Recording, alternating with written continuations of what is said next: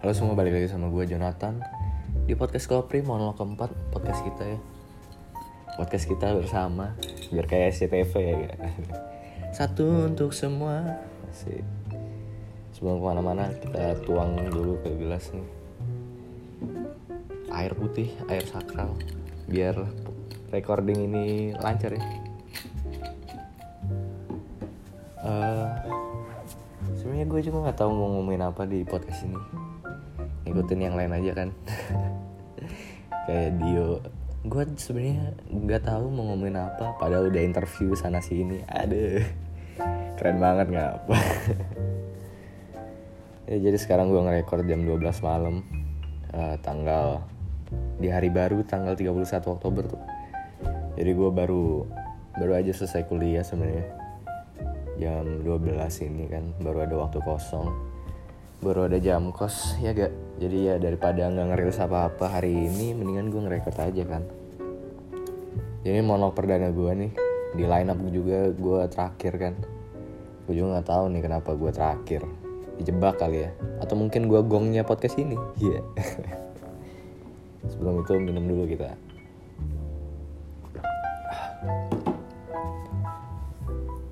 Um, jadi sedikit updatean aja dari gua sekarang tanggal 31 Oktober.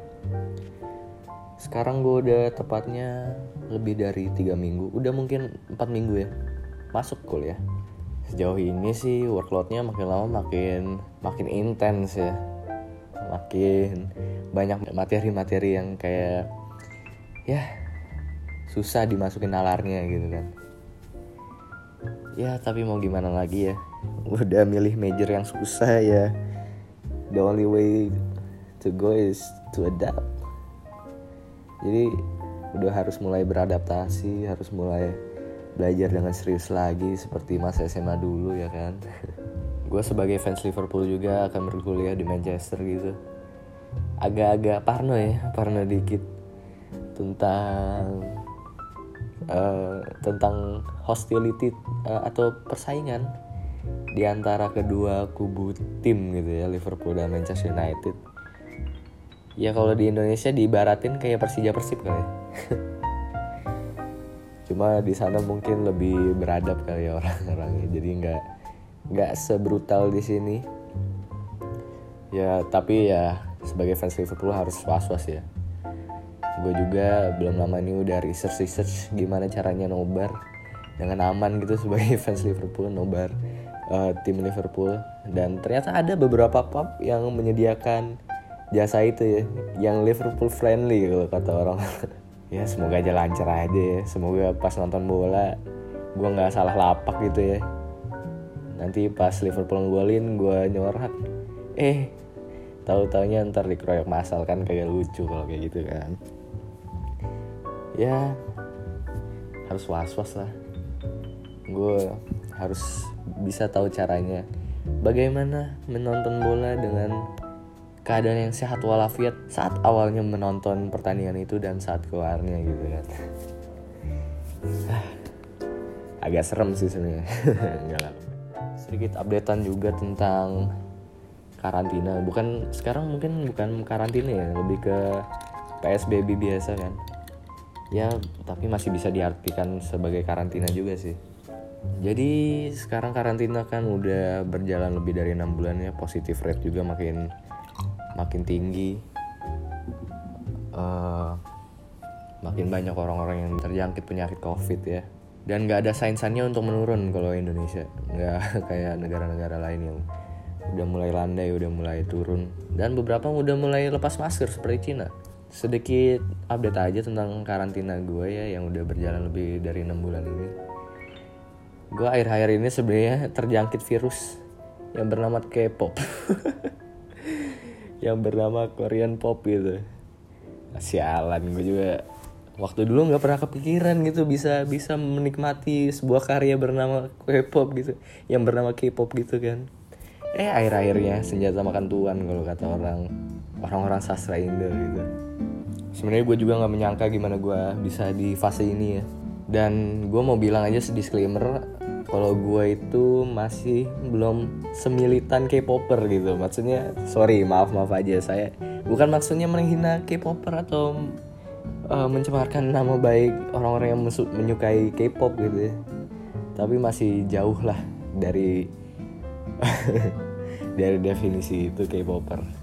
Kan kalau K-popper kan militan idolnya disenggol it nyenggol baliknya pakai perkataan perkataan yang sangat pedas idolnya suka makan samyang gitu kan.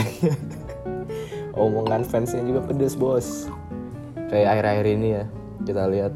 Kalau belum tahu ada penyanyi dangdut uh, Indonesia bernama Via Valen. Ya ceritanya merilis satu single single baru di YouTube. Dan ada MV-nya ada MV-nya dia ternyata memplagiat MV dari salah satu penyanyi Korea gitu bernama Ayu. Itu tolol banget sih. Udah tahu gitu K-popers matanya jeli mulutnya pedes gitu kan. Masih bisanya memplagiat idol K-pop aduh. Itu kata gue sih nyari mati sih. Dan dia sebenarnya kena cancel K-popper ya akhir-akhir ini. Wah, dan dia juga gue nggak tahu gue bener atau gimana tapi dia uh, juga uh, udah klarifikasi ya di Instagram gitu ya kalau Indonesia orang Indonesia. Salah sedikit klarifikasi kelar habis itu udah tersapu ombak. Uh, jadi ternyata dia udah klarifikasi kalau dia nggak nggak tahu apa-apa nggak tahu apa-apa dalam tanda kutip tentang pembuatan MV itu. Mungkin dia di prank sama PH-nya sendiri kita nggak tahu juga kan kita nggak tahu apa yang terjadi di belakang layar kan. Ya buat Mbak Via uh, Mbak Via Valen nih kita udah tahu kalau copyright itu is a real thing. Jadi ya mendingan play it safe aja lah. Dan gue udah research sedikit tentang Ayu ternyata dia cukup militan ya uh, militan dalam hal kayak head comment atau apa pun yang menyenggol dia gitu kan cukup militan juga dia. Uh, gue pernah ngedengar dari beritanya kalau dia pernah mempolisikan gitu salah satu haternya yang yang berkata-kata kasar tentang dia ya. Yang ada yang uh, menyuarakan hate speech tentang dia. Dan dipolisikan gitu. Sampai segitunya Mbak Ayu. Semoga Mbak Via nggak kena gitu tapi itu salah satu apa ya a stupid move. Uh, jadi balik lagi nih uh, tentang gua dan K-pop ya dan dunia K-pop. Jadi uh, gua sih sebenarnya awal-awal karantina gue bikin playlist gitu. Sering gue bikin playlist di Spotify tapi sekarang ya udah gue hapus-hapusin dikit-dikit. Jadi berawal dari situ ya pembuatan playlist di Spotify. Gue dari dulu sebenarnya udah dengerin satu lagi Korea yang bernama Instagram dinyanyikan oleh artis Korea juga bernama Din. Jadi situ ada salah satu lagu dia Instagram. Dan kalian tahu kan kalau Spotify kalau udah di play abis itu abis ada autoplaynya kan. Nah lagu pertama yang muncul itu adalah lagu Korea bernama Fall. Dinyanyikan oleh musisi Crush. Bagi yang belum tahu Crush kalau lu pada suka drakor tuh drakor kan siapa sih yang belum nonton Goblin gitu ya? Gue udah nonton dong udah nonton dari dulu gue dari kelas 11 kali. Kelas 11 gue udah nonton tahun berapa tuh? Ya setahun dua tahun setelah rilis TV show-nya lah. Gue udah nonton dong. Jadi di salah satu OST-nya dinyanyikan oleh dia juga yang yang kayak gini nih. Beautiful life. nah familiar kan? Pasti familiar. Banyak tuh di TikTok ya, jadi berawal dari situ gue dengerin Fall. Abis itu gue nonton YouTube gitu kan. Biasa rekomendasi kadang-kadang kayak suka aneh gitu ya. Ada salah satu video aja yang kayak out of the box dari uh, biasa video-video biasa yang lu biasa nontonin gitu kan. Dari situ gue nonton satu reaction yang dibikin oleh kayak anak-anak atau masih uh, atau mahasiswa mahasiswa uh, classical music gitu ya. Mereka ngeriak K-pop gitu. Dan salah satunya itu ada video mereka ngeriak Red Velvet itu dari situ gue nemuin satu lagu bernama One of These Nights. Emang itu lagu sangat enak. Ini cringe banget sih. Tapi ya kalau lagu udah bagus udah udah sopan di telinga gitu kan. Udah sopan di telinga. Ya ya kenapa enggak untuk dimasukin di playlist atau enggak untuk di like kenapa tidak? Tidak ada salahnya kita uh, dengerin lagu ya kan? Kalau lu suka dangdut juga dengerin dangdut lu happy ya nggak ada salahnya. Asalkan nggak asalkan tidak merugikan orang lain gitu ya. Tapi kita tahu lah K-popper itu beban ya. Sangat merugikan sangat merugikan. Nah dari situ juga gue mulai research lagi tentang Red Velvet gitu uh, dan gue ketemu salah satunya lagunya Psycho. Sebenarnya gue udah dikasih tahu lagu ini dari lama juga dari salah satu teman sekelas gue di SMA uh, eh, jadi gue mulai dengerin itu juga sampai-sampai sekarang ya. Sekarang Asof 31 Oktober 2020 gue udah mulai belajar lagunya di piano gitu. Uh, dari situ juga gue kayak udah mulai keracunan K-pop dari situ sih dari Psycho. Dan belum lama dari itu saat gue pas gue mulai dengerin Psycho gue ceritanya lagi browsing YouTube eh tiba-tiba ternyata BTS ngeluarin sesuatu. BTS ngeluarin satu lagu bernama Dynamite yang sangat funky ya kalau udah dengerin. Emang enak sih kayak ya deserve the hype mereka pantas lah mendapat hype yang mereka punya sekarang kata gue ya. Gue nggak tahu kalau K-popper yang lain akan bersuara tentang ini tapi please jangan di cancel gue jadi kata gue sih mereka pantas banget punya hype nya mereka. Uh, dari lagu itu dari lagu itu ya dari satu lagu aja gue gue udah bisa ngeliat kalau mereka itu sangat pantas ya. Dibilang apa kayak a global superstar gue juga melihat performance version mereka itu kayak lentur banget ya. Cowok bisa selentur itu keren sih. Dan gue mulai mulai regret kalau gue nggak pernah ngelihat dance itu cool gitu. Ya namanya juga anak anak bocil ya kan kalau orang lain bilang ih ngapain ngedance lu kan cowok? Dulu kayak automatically lu pasti bilang anjing dance apaan sih? Itu nggak banget sih tapi mulai sekarang gue kayak ngeliat wah kalau gue dulu suka dance gimana ya? Sekarang ya tapi ya itu cringe sih. Ya tapi gimana kayak ngelihat mereka kayak ngedance itu luas banget. Penuh dinamika pas banget sama musiknya kan. Dan kelihatan juga kalau mereka enjoy sama craftnya mereka gitu. Mereka yang nge-enjoy banget. Gue juga bisa melihat itu dari stage mereka buat Boy With Love ya. Kalau Boy With Love mah gue udah katam ya udah hatam gitu sama lagunya soalnya. Diputerin mulu di di Prambors ya. Atau di radio-radio lainnya kan. Jadi kalau sebelum ke sekolah tuh biasanya gue dengerin Prambors. Dan Boy With Love pasti main pasti setiap setiap pagi. Mungkin sekarang nggak tahu ya soalnya gue jarang keluar juga udah. Jarang keluar gara-gara covid kan. Gue nggak tahu kalau masih puterin atau enggak tapi gue dari ngeliat performance mereka di Boy With Love aja kayak anjir. Mereka mungkin nggak sesinkronis itu ya dancingnya tapi setiap dari mereka itu punya kayak karisma ya masing-masing gitu. Asih udah kayak pakar K-pop aja gue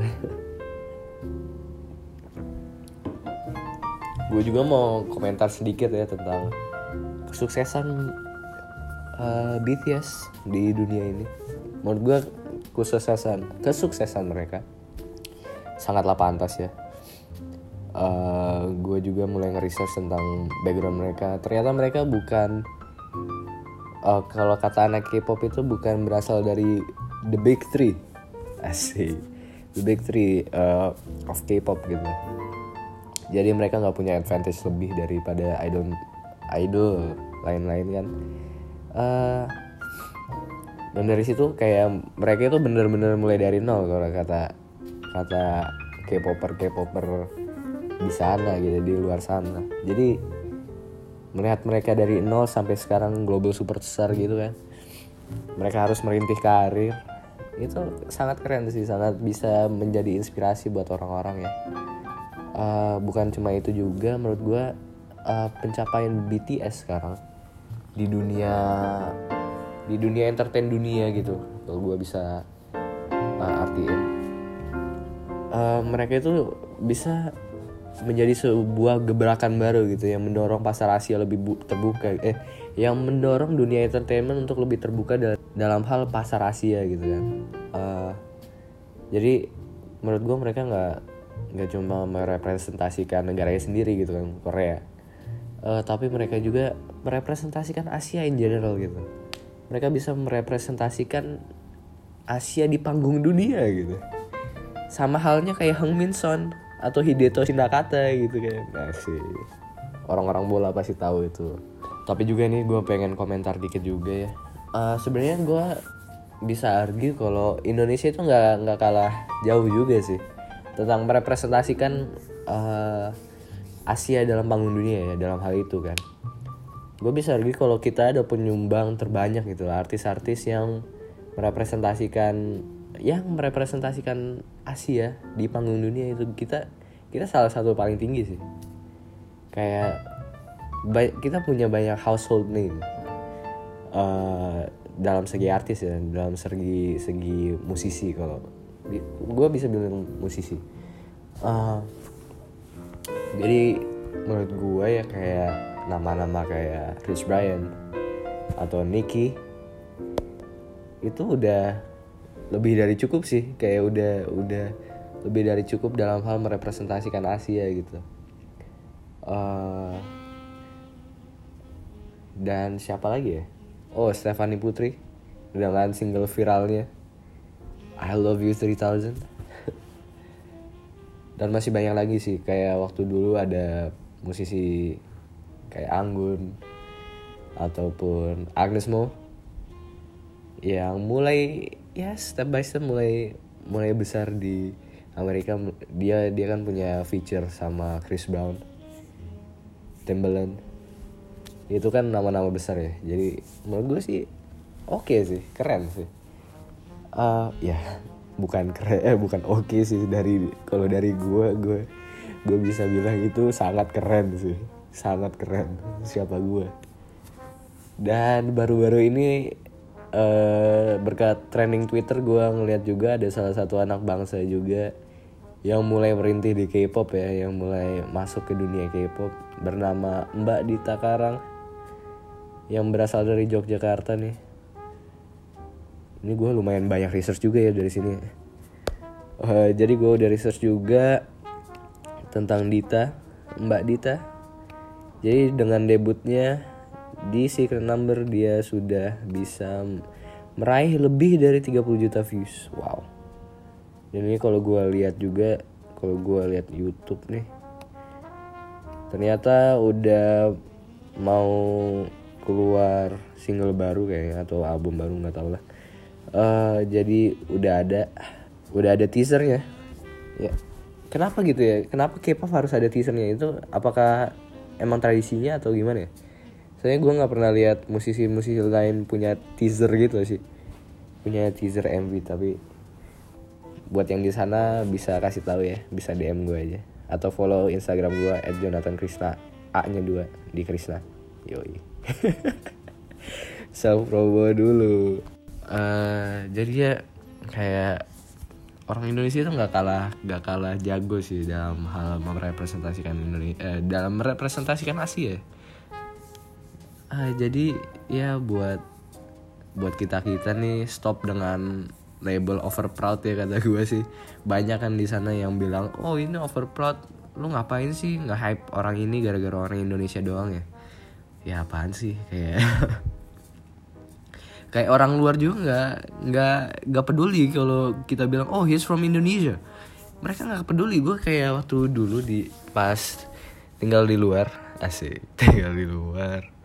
Pas tinggal di Nigeria itu pas awal-awalnya Rich Brian lagi booming gitu dengan That Stick. Dari situ gue bilang anjir. Eh teman-teman gue juga ternyata tahu dengan lagu ini tentang, tentang lagu That Stick. Dan gue gue dengan lantang bilang do you know he's from Indonesia gitu? Apa gue apakah gue di label overproud tapi mereka kayak oh really? Gitu. Jadi kayak kita ya harus stop dengan label overproud sih kata gue ini ini sebenarnya udah menjadi keresahan gue selama ini ya. Kayak orang Indonesia dengan lantang atau dengan dengan uh, dengan cara sangat straight mau bilang kalau mereka nggak bakal mendukung salah satu teman sebangsa gitu ya. Yang yang merepresentasikan kita sebagai bangsa Indonesia di panggung dunia gitu. Dengan secara lantang gara-gara dia Indo orang Indonesia doang kayak ya nggak edap gitu. Kalau kita mau ke nge-compare jadi gue pengen nge-compare aja nih. Uh, orang-orang tahu kan dengan nama bukan orang-orang sih mungkin orang-orang yang tahu sepak bola pasti tahu dengan nama Alfonso Davis gitu. Uh, jadi gue pengen nge-compare aja nge-paralelin tentang situasi ini gitu. Over proud what the fuck. Jadi Alfonso Davis ini dengan umurnya yang 19 tahun sudah meraih pencapaian yang sangat besar ya di di dalam dunia sepak bola. Kayak kemarin baru aja menang Champions League dengan klubnya Bayern Munchen. Dan dia digadang-gadang sebagai salah satu back kiri terbaik di dunia gitu. Di umurnya yang cuma 19 tahun. Nah publik Kanada pasti kayak pasti mulai merasa kalau orang inilah pemain terbaik yang pernah dilihat oleh publik Kanada gitu kan. Uh, dan menurut gue mereka dengan itu nggak hype gitu kan. Pasti nggak hype pasti.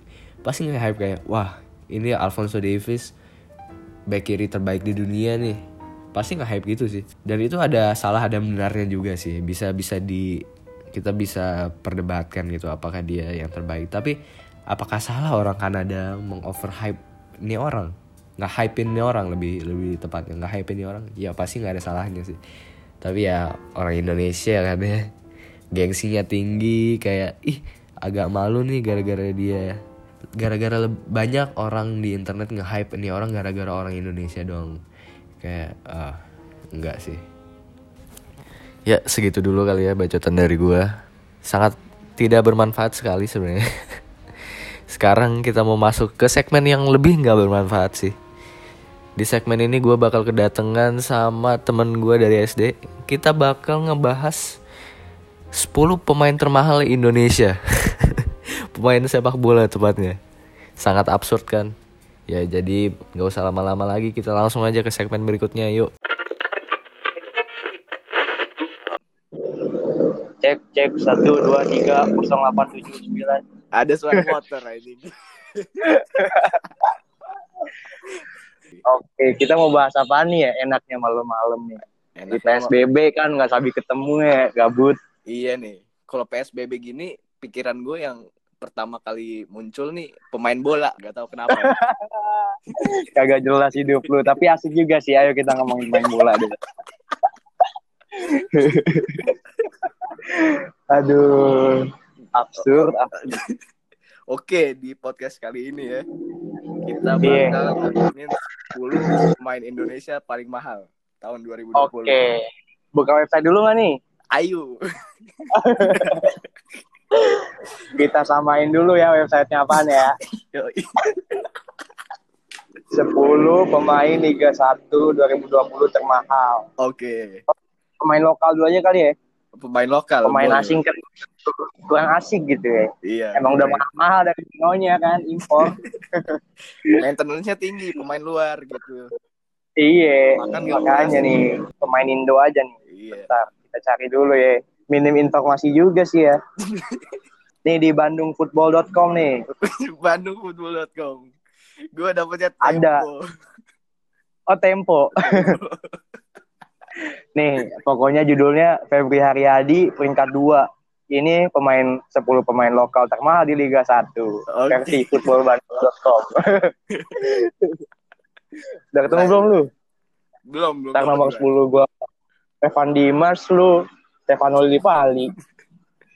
Bandungfootball.com ya? Oke. Oke, kita mulai. Udah dapat dua. Oke, ketemu? Oke. Kita, kita mulai aja langsung ya. Dari 10. Nomor 10. Oke. Okay. Ini kita tidur bareng-bareng kali ya biar asik ya? Iya, iya, iya, iya. Nomor 10. Siapa? Satu, dua, tiga.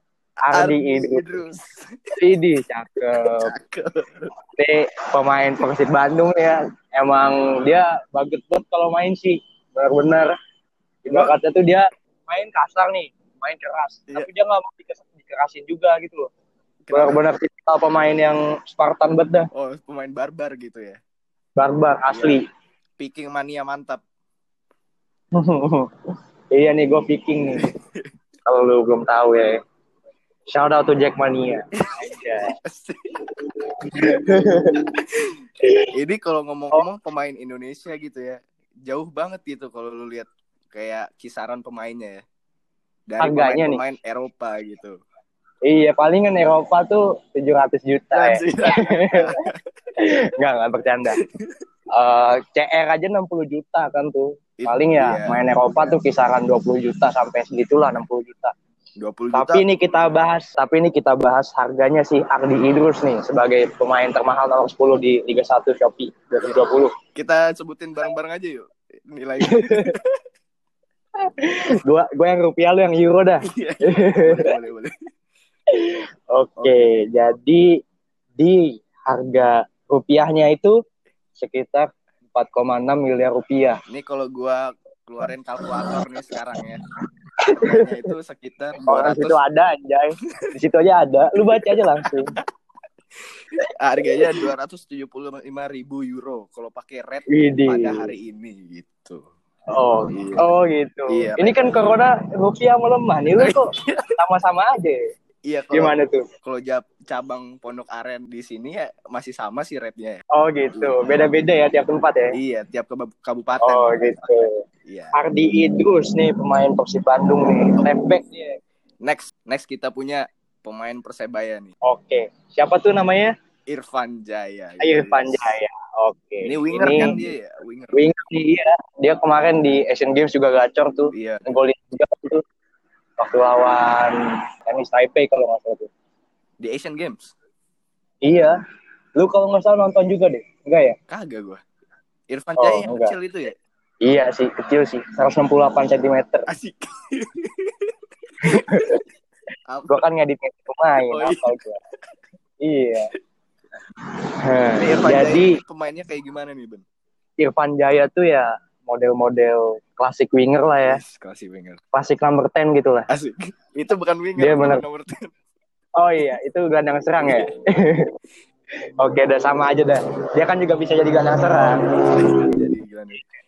Irfan, Irfan Jaya nih, kita bahas harga ya. Dua rupiah di euro. Oke. Okay? Oke. Okay. Harga rupiahnya itu kisaran 4,6 miliar. Dapat dua rumah di Indonesia. Asik. Dua rumah di Bintaro juga dapat loh. Oh iya. Kalau dalam harga euro, euro dua euronya itu lagi pakai kalkulator. Kenapa? Harga euro. Oh, harga euro kalau pakai red cabang Bantul Selatan ini ya. Bang Syariah Bantul. Iya. Harganya hampir sama sama emang sama sama Ardi Idrus berarti dua ratus oh, lima ribu euro. Lumayan. Uh, iya. Bisa. Tapi lebih gacoran Ardi Idrus sih menurut gua sih. Dia tuh dibanding emang beda posisi juga sih beda sih. Tapi kalau gue lebih straight ke Ardi itu saja. Jadi apa ya? lebih ya? greget ya mainnya kalau dia. Dia benar. Dia benar-benar tipikal pemain yang apa ya? Apa ayo. Oh gini gue jadinya nih. Tipikal pemain yang benar-benar greget banget gitu tahu. Sama aja kayak gue bilang. Gue tahu how to describe lah. Pokoknya gitu lah lu nonton aja sendiri. Highlight iya, highlight. Iya. Mau next nih. Next Ben? Next kita punya di list nomor 8 ya. Nomor 8. Ini shout out to Jackmania nih. Kita sebut bareng-bareng namanya. Oke. Okay. Satu, dua, tiga. Osvaldo. Osvaldo. Oke. Ini Gacor banget nih pemain nih, gila dia ini ya tandemnya si Rico nih. Rico sama Simic. Iya. Kalau kalau Rico kanan, dia kiri. Yoi. Tuh kemarin juga nyetak gol dia lawan Borneo tuh. Waduh. Gol pertama. eh, banget dia, dia iya iya gol pertama dia, kedua Evan Dimas, ketiga Marco Simic kan. Waduh. Iya, nonton gua. Ada iklan. Ada iklan. Itu pagar. Si Osvaldo ini ibarat inside forward gitu ya, mirip-mirip Neymar gitu ya. Ah iya benar benar benar banget. Iya. Dia juga apa ya?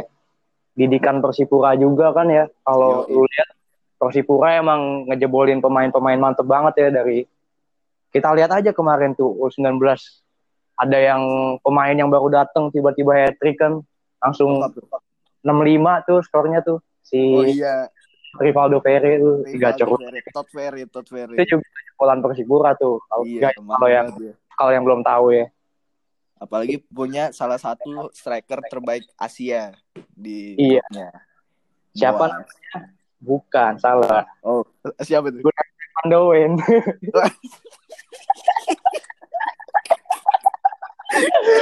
salah, bukan puas ya. Gunan Sang Lukas Bandoin namanya mirip-mirip gorengan gitu ya. Kom tempe mandoin. sorry kakak, sorry kakak mandoin. Bercanda saja. Anjing gak cuman. Ini okay. Osvaldo Hairi. Kita bahas harga langsung aja nih ya. Bahas harga lagi. Siapa siapa tahu minat gitu ya orang-orang yang dengerin kita beli daripada pemain. Iya. Oke, ini dibanderol Persija Jakarta dengan harga 5 miliar rupiah. Wis, 5 miliar. Atau euronya berapa, Bro? Kalau gua dapet trade dari cabang Jayapura kalau sekarang ya. Oh, oh iya iya. Cabang Jayapura ya, itu gua dapet 300 ribu euro, wis lumayan. Widih gile. Ini setara sama pemain-pemain kasta 2 Inggris. Biasanya segitu tuh. Enggak lah, kasta 2 Inggris tuh masih mahal cuy. iya, tapi beberapa pemain pemain-pemain yang biasa aja gitu. Di Oldham Athletic tuh kasta 2 apa kasta 3 tuh ya? Tiga Inggris waktu itu ya? Dia di Bandung Marco Mota yang sekarang di oh, Marco Mota, iya iya. Tapi kan bocah udah tua ya. Bocah dulu dulu sih belum ta belum tua zamannya dia di Liga Inggris tuh. Oh. Itu aja di bandrol 28 M. 28 M. Iya. Anjir. Kasta 2 Inggris, udah jauh gua beda harganya tuh. Iya, tapi kalau pemain-pemain yang ya mediocre gitu lah. Iya. Nah. Lanjut ke list nomor 7 ya. Nomor 7 nih. Kita punya pemain Persebaya nih. Ya, Siapa Persebaya namanya? lagi. Ayo satu, okay. dua, satu, dua, tiga. Hansam Muyama. Oke. Okay. Ini pemain yang ini banget ya, apa ya? Legend Pen U19. Iya, penting banget tuh buat timnas U19 dulu. Iya. Kita juara juga kan tuh di Sidoarjo. Yoi, AFF ya. Dia tuh tandemnya dulu sama ini nih. Nomor 13 tuh siapa ya? Sekarang bocah mana tuh ya? Siapa? Back tengahnya ada kirinya Fatur Rahman kan. M. Robi. Fatur Rahman sekarang di Bayangkara. Tengahnya tuh satu tuh lupa gue.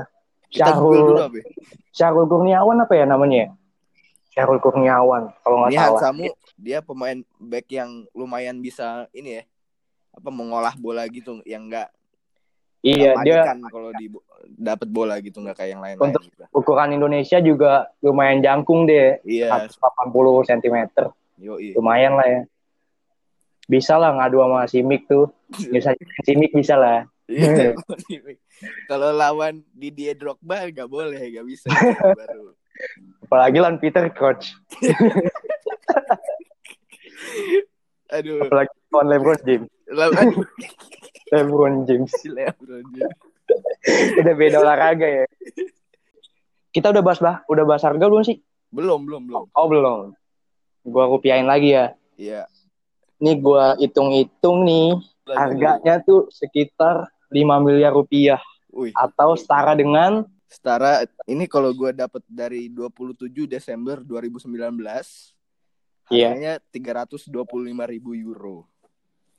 25 lima ribu lebih tinggi dari Lu nomor berapa bro? Itu, itu Andri Taniardiasa nomor 5 Belum Kita kita masih di nomor 7 Ini Hansamu 325 Apaan sih?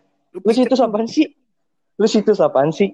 Bandungfootball.com. Eh iya, eh iya dah. Toli Itu kan sedikit penurunan, Bro. Lu baca baca lagi baik-baik.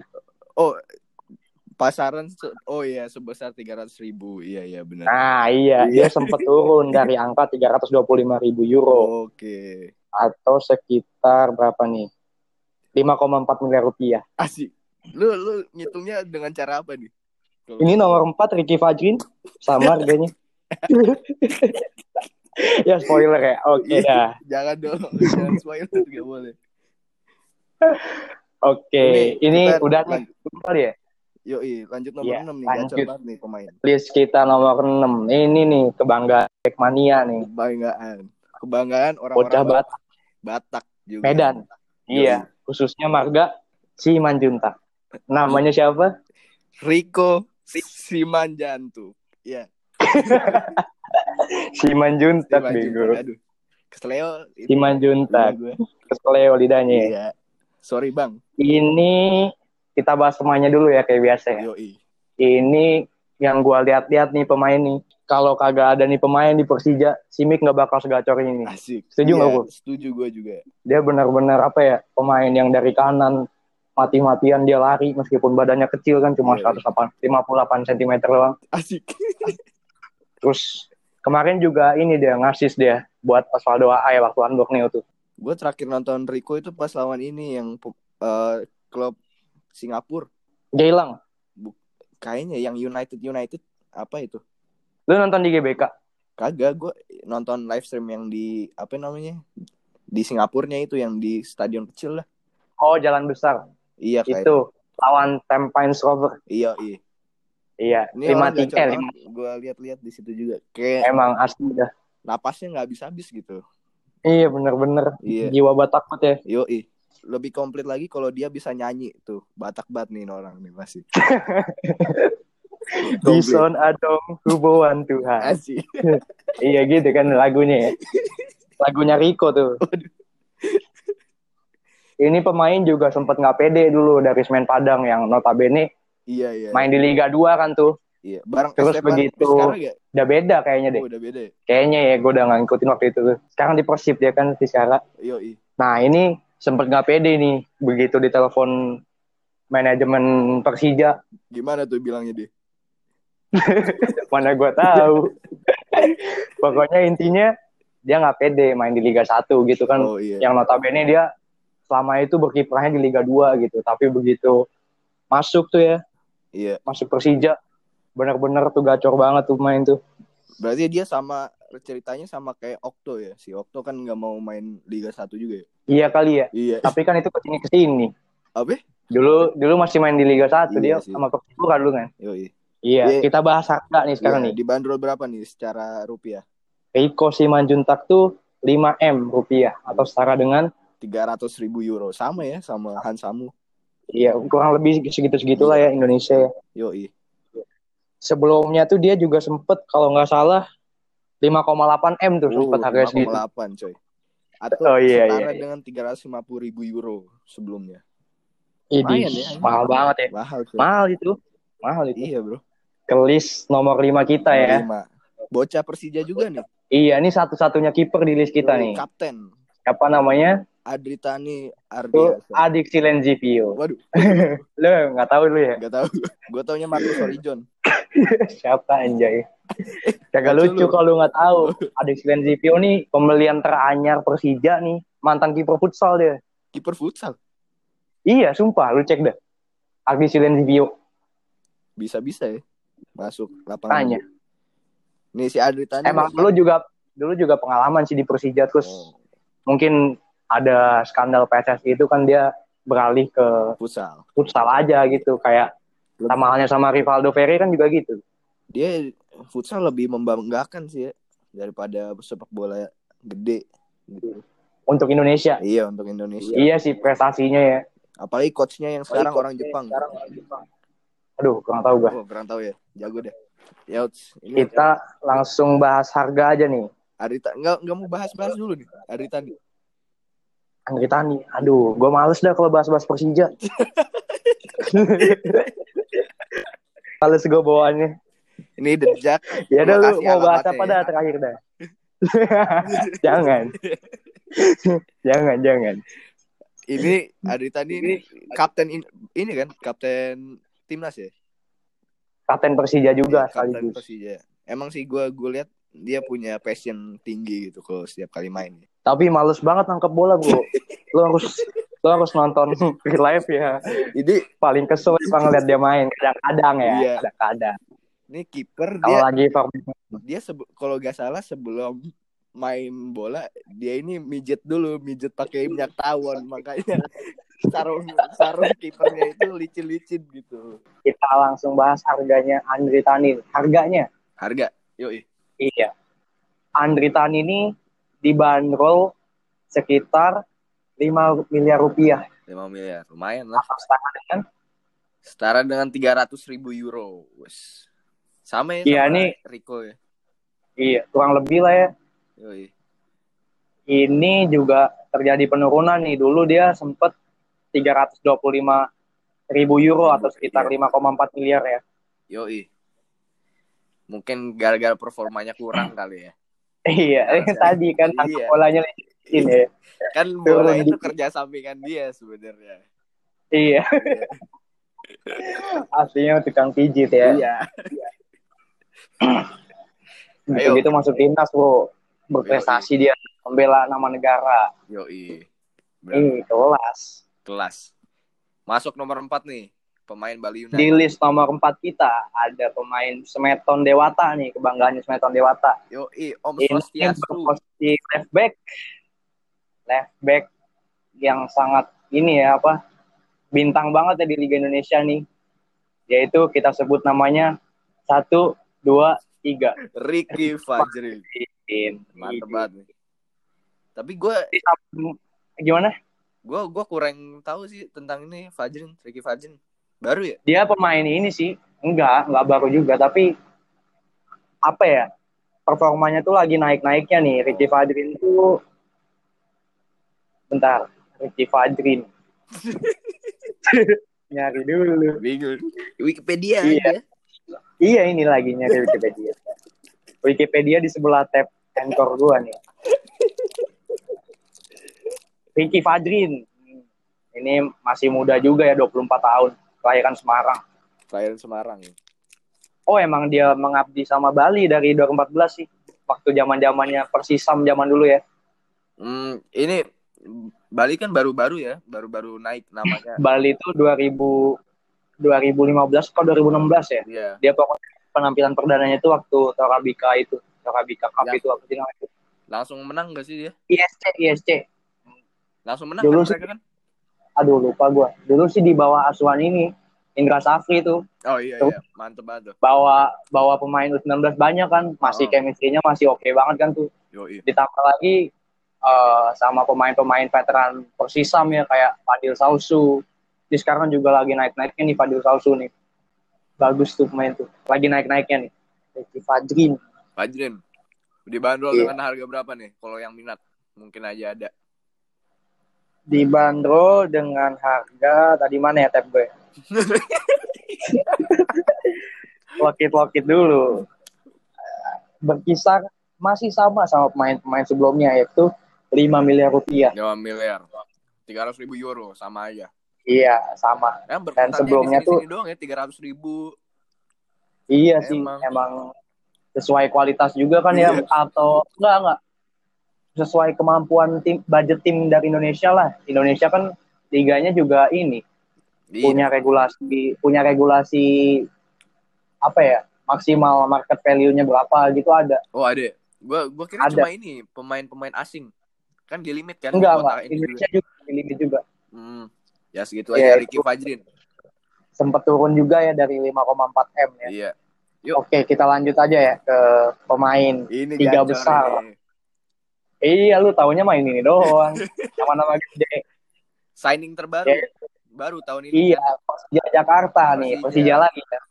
Persija tim tim mahal. Mewah juga kata ya. Iya. Tim mahal banget nih.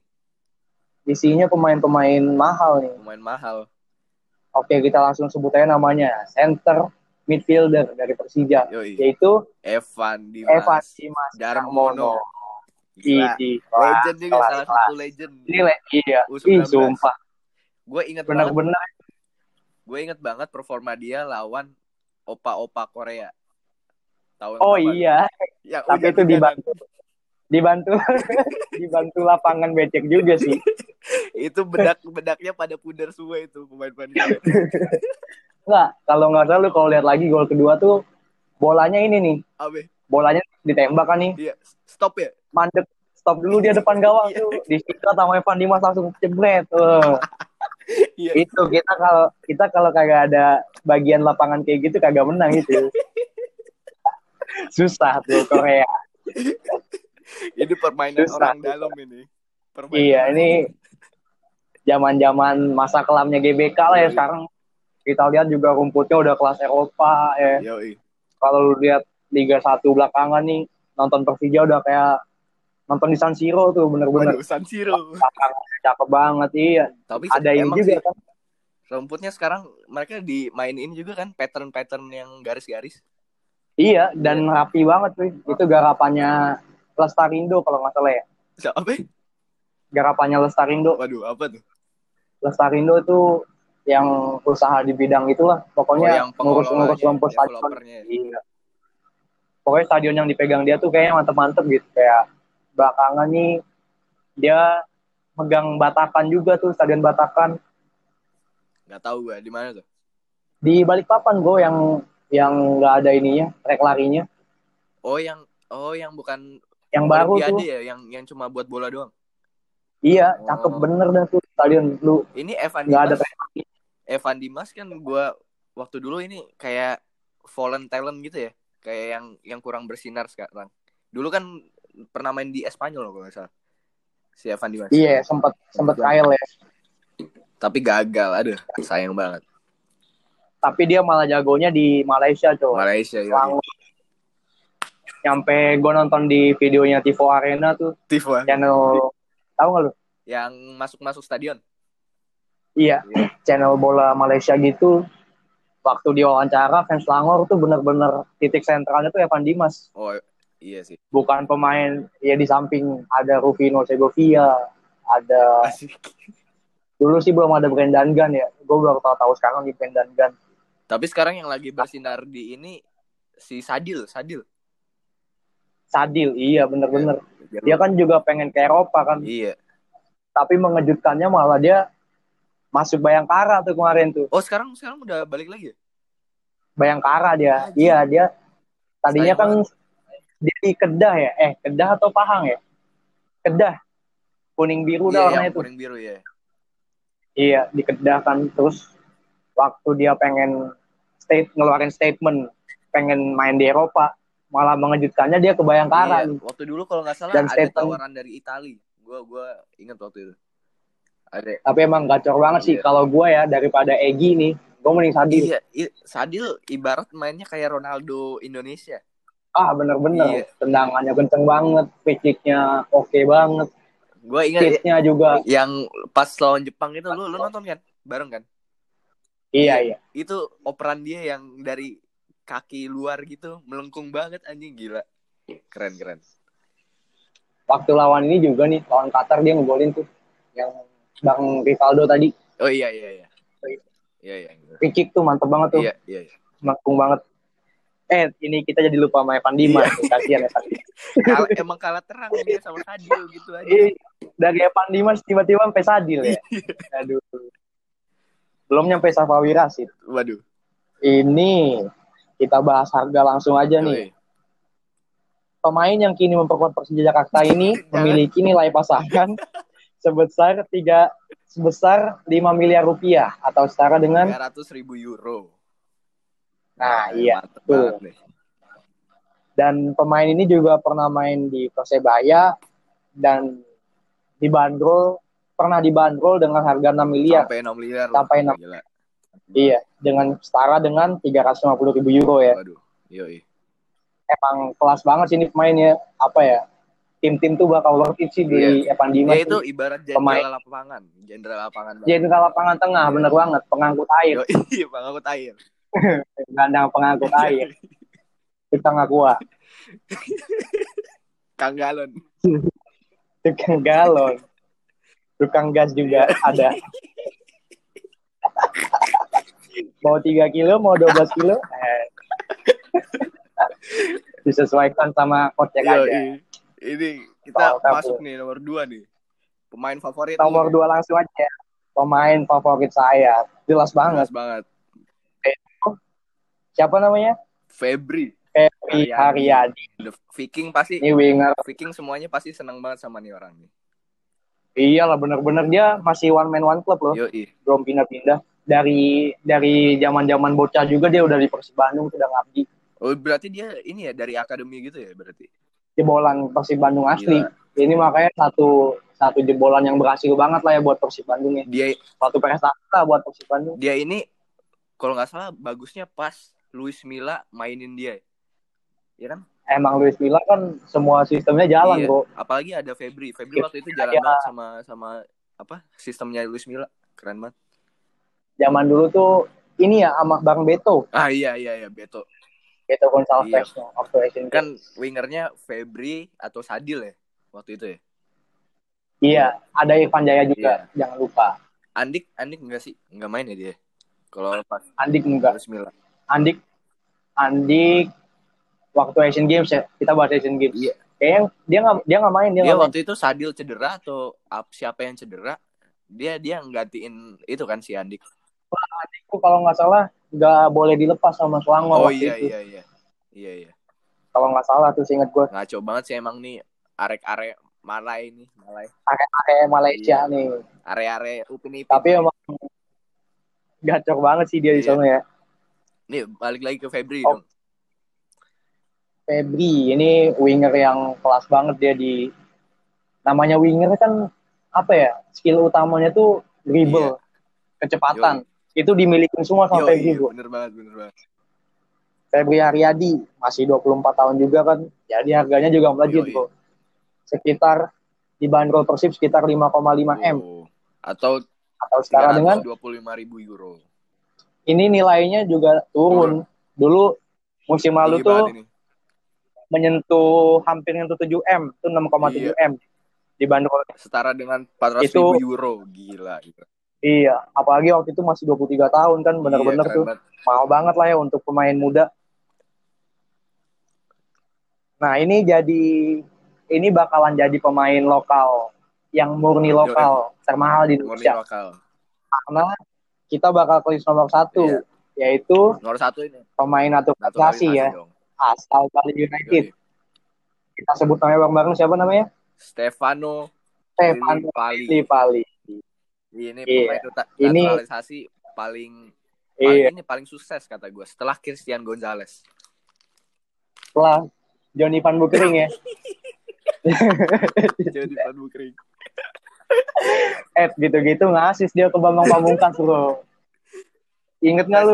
Dia itu Pakuan doang. Itu doang prestasinya. Iya ngasis dia bagus bro. Golnya kelas banget. Oke. Kalau kagak ada kalau kagak ada asis itu kan kita seri ya waktu Timor Leste. Satu kosong doang bro menangnya. Dulu bareng Itu- ini nih yang rambutnya. Masa-masa kelam PSSI itu. Oh bener-bener. Enak banget gue ngeliatnya. Pemain-pemain LPI Iya, kan soalnya iya. sih ya. Makanya masa-masa kelam Kayak pemain yang pemain ibaratnya sesalah-salahnya gue ngomong ya semi semi pro lah LPI itu kalau kata NBA pemain-pemain di league itu Iya, pemain Iya. di league bener. Kelas 2-nya, nah backnya siapa dulu tuh? Wahyu Wijayanto lah. Ini gue nonton pertama kali siapa bangset? tidak dikenal semua. iya, bener-bener. Terus dulu zamannya siapa ya? Wahyu Wijayanto. Di situ Novan Setio tuh zaman dulu tuh ya. Sama pemain Novan Setio Sasongko. Itu duetnya Wijayanto tuh di back tuh. Zaman-zamannya timnas yang waktu itu tuh. Timnas LPI ya. Sama pemain naturalisasi. Satu lagi tuh yang cepat si Tony Kusel, tau gak lu? Kayak ini satu pernah satu tim sama si Van Bukering kan? Iya, kan satu timnas. Iya. Iya. Bener. Kan bang dia. Di bawah Neil Maizar dulu tuh gue. Neil Maizar oke Itu kelam lah kata gue. Keren lah. Sekarang kan dia megang ini Persela. Persela dia. Dia yang nolong Persela dia waktu musim lalu. Itu dia kayak last minute gitu ya masuknya. ya? Iya. Iya, keren banget sih. Pemainnya tuh si Lewis Arnold tuh. Lewis Arnold, siapa lagi nih? Ada dah. Yang pirang tuh rambutnya tuh. Waduh. Orang Inggris ya? Duh, gua nggak tahu. Orang Brazil apa ya? Brazil. Brazil. Brazil. Brazil. Iya. Tapi kan Persela nih model timnya gini sih dia. Dia model-model Arsenal bro di Liga Inggris. Gua Arsenal, gila. Gue Jadi- nih Persela sama Arsenal. Jadi gini nih, dia bikin pemain nih, Iya. bikin pemain, dicetak baik-baik nih. Begitu udah jadi, malah dijual. Itu bukan Arsenal sih kata gue itu mirip-mirip sama Dortmund. Ah iya, Halan. Eh Halan. Iya, Halan main juga di sana. Iya kan bener kan ya? Iya, Ntar juga udah jadi dijual sama Bayern Munchen. iya, pasti. Emang gitu sih standar mereka ya. Dan Persela tuh juga mungkin finansialnya kurang kan ya. Jadi dia ngontrak pemain ya satu tahun, satu tahun, gitu-gitu loh. Iya. Satu Jadi- tahun sama satu mangkok soto Lamongan. Dan juga pecel lele Lamongan. iya. Jadi ya gitulah ya. Jadi apa yang bikin Persela sulit berkembang itu ya gue lihat pemainnya komposisinya tiap tahun ganti-ganti. Ya chemistry-nya itu loh nggak ada. Iya sih. Dan gitu kemarin ada pemain Jepang gacor si namanya si Kei, Hira, Kei Hirose. Nah itu satu musim kan gacor sama Persela, malah dijual dia ke JDT. Johor Darul Tazim. Oh iya iya iya. Begitu di Johor Darul Tazim, dia kalah saing dia Iyalah sama si pasti. namanya Velasquez. Ada juga Gonzalo Cabrera kan, diturunin langsung sama timnya di JDT 2. Gonzalo Cabrera kayaknya gue pernah denger deh. Pemain Irak tuh. Pemain Irak Mm-mm. baru ya? Naturalisasi atau gimana? Iya, naturalisasi Irak dari Argentina. Pantes Boca Juniors pernah pernah gue denger denger di Football Manager dulu. Gonzalo Cabrera namanya. Iya iya. Oh, tahu lu. Tahu gue. Oh, pernah di Boca dia? Pernah. Eh, iya, pernah di Boca. Bener-bener lupa gue. Pernah di Boca makanya pernah denger denger lah. Gue keren sih. Gonzalo Cabrera. Winger dia kan. Iya. Ini lanjut nih ke ke Stefano. Stefano Lillipali ya. Kita adalah manggur ini. Iya. Jadi sebagai pemain termahal di Liga 1 ya, ini bandrolannya sekitar 5,8 miliar rupiah. Wis, gila. Setara dengan 350. aduh aduh. corona lu ya. Batuk kayaknya. 350 ribu euro. Iya, nih Tapi ini angka yang sangat worth it banget ini kalau lu pengen punya seorang playmaker di lini perta eh lini lini depan gitu. kalau tadi gua ngomong Irfan Jaya klasik number 10 sawah nih. Ini nih weh, baru benar-benar Ini number ini. 10 nih. Klasik number Iya, 10 ya. Asli. Jenderal lapangannya sistem Luis Milla. Sama Bali juga gacor sih. Iya. Nilai tersebut mengalami penurunan Oh. dari jumlah sebelumnya yang sempat mencapai 7,5 M. Gila. Gila. 7,5 M bro. 450 ribu euro. Wow. Gila, itu benar-benar Keren sih. mahal banget. Mahal cuy. Ini kalau bakso bisa dapet sama tukang tukangnya lu bisa dapet dah. Nih gua hitung ya. 7, kita selarasin sama bakso ya. Iya iya. 7,5 M. Kita bagi bakso berapa sih? 10 ribu lah ya. Ribu iya. Dapat 750 ribu mangkok bakso. Bener-bener kenyang lu. Kenyang banget. Kenyang satu negara.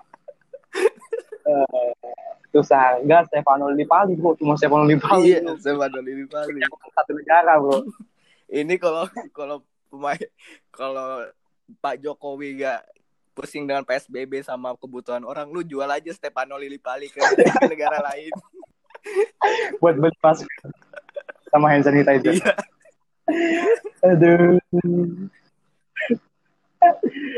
Oke, ini gimana nih? Kita tutup aja nih, udah malam juga ya. Kayaknya begitu aja ya. Ini Begitu aja pesan-pesan deh. terakhir dari episode perdana dari lu apa nih? Jadi gini, orang-orang tuh kiblatnya sekarang udah bener-bener bola tuh ngeluh-ngeluhnya barat gitu. Yoi. Bola tuh ngeluh-ngeluhnya Eropa. Padahal enggak bro, Indonesia tuh juga punya bakat-bakat terpendam nih Iya, benar. dari bintang-bintang yang harus kita support terus nih.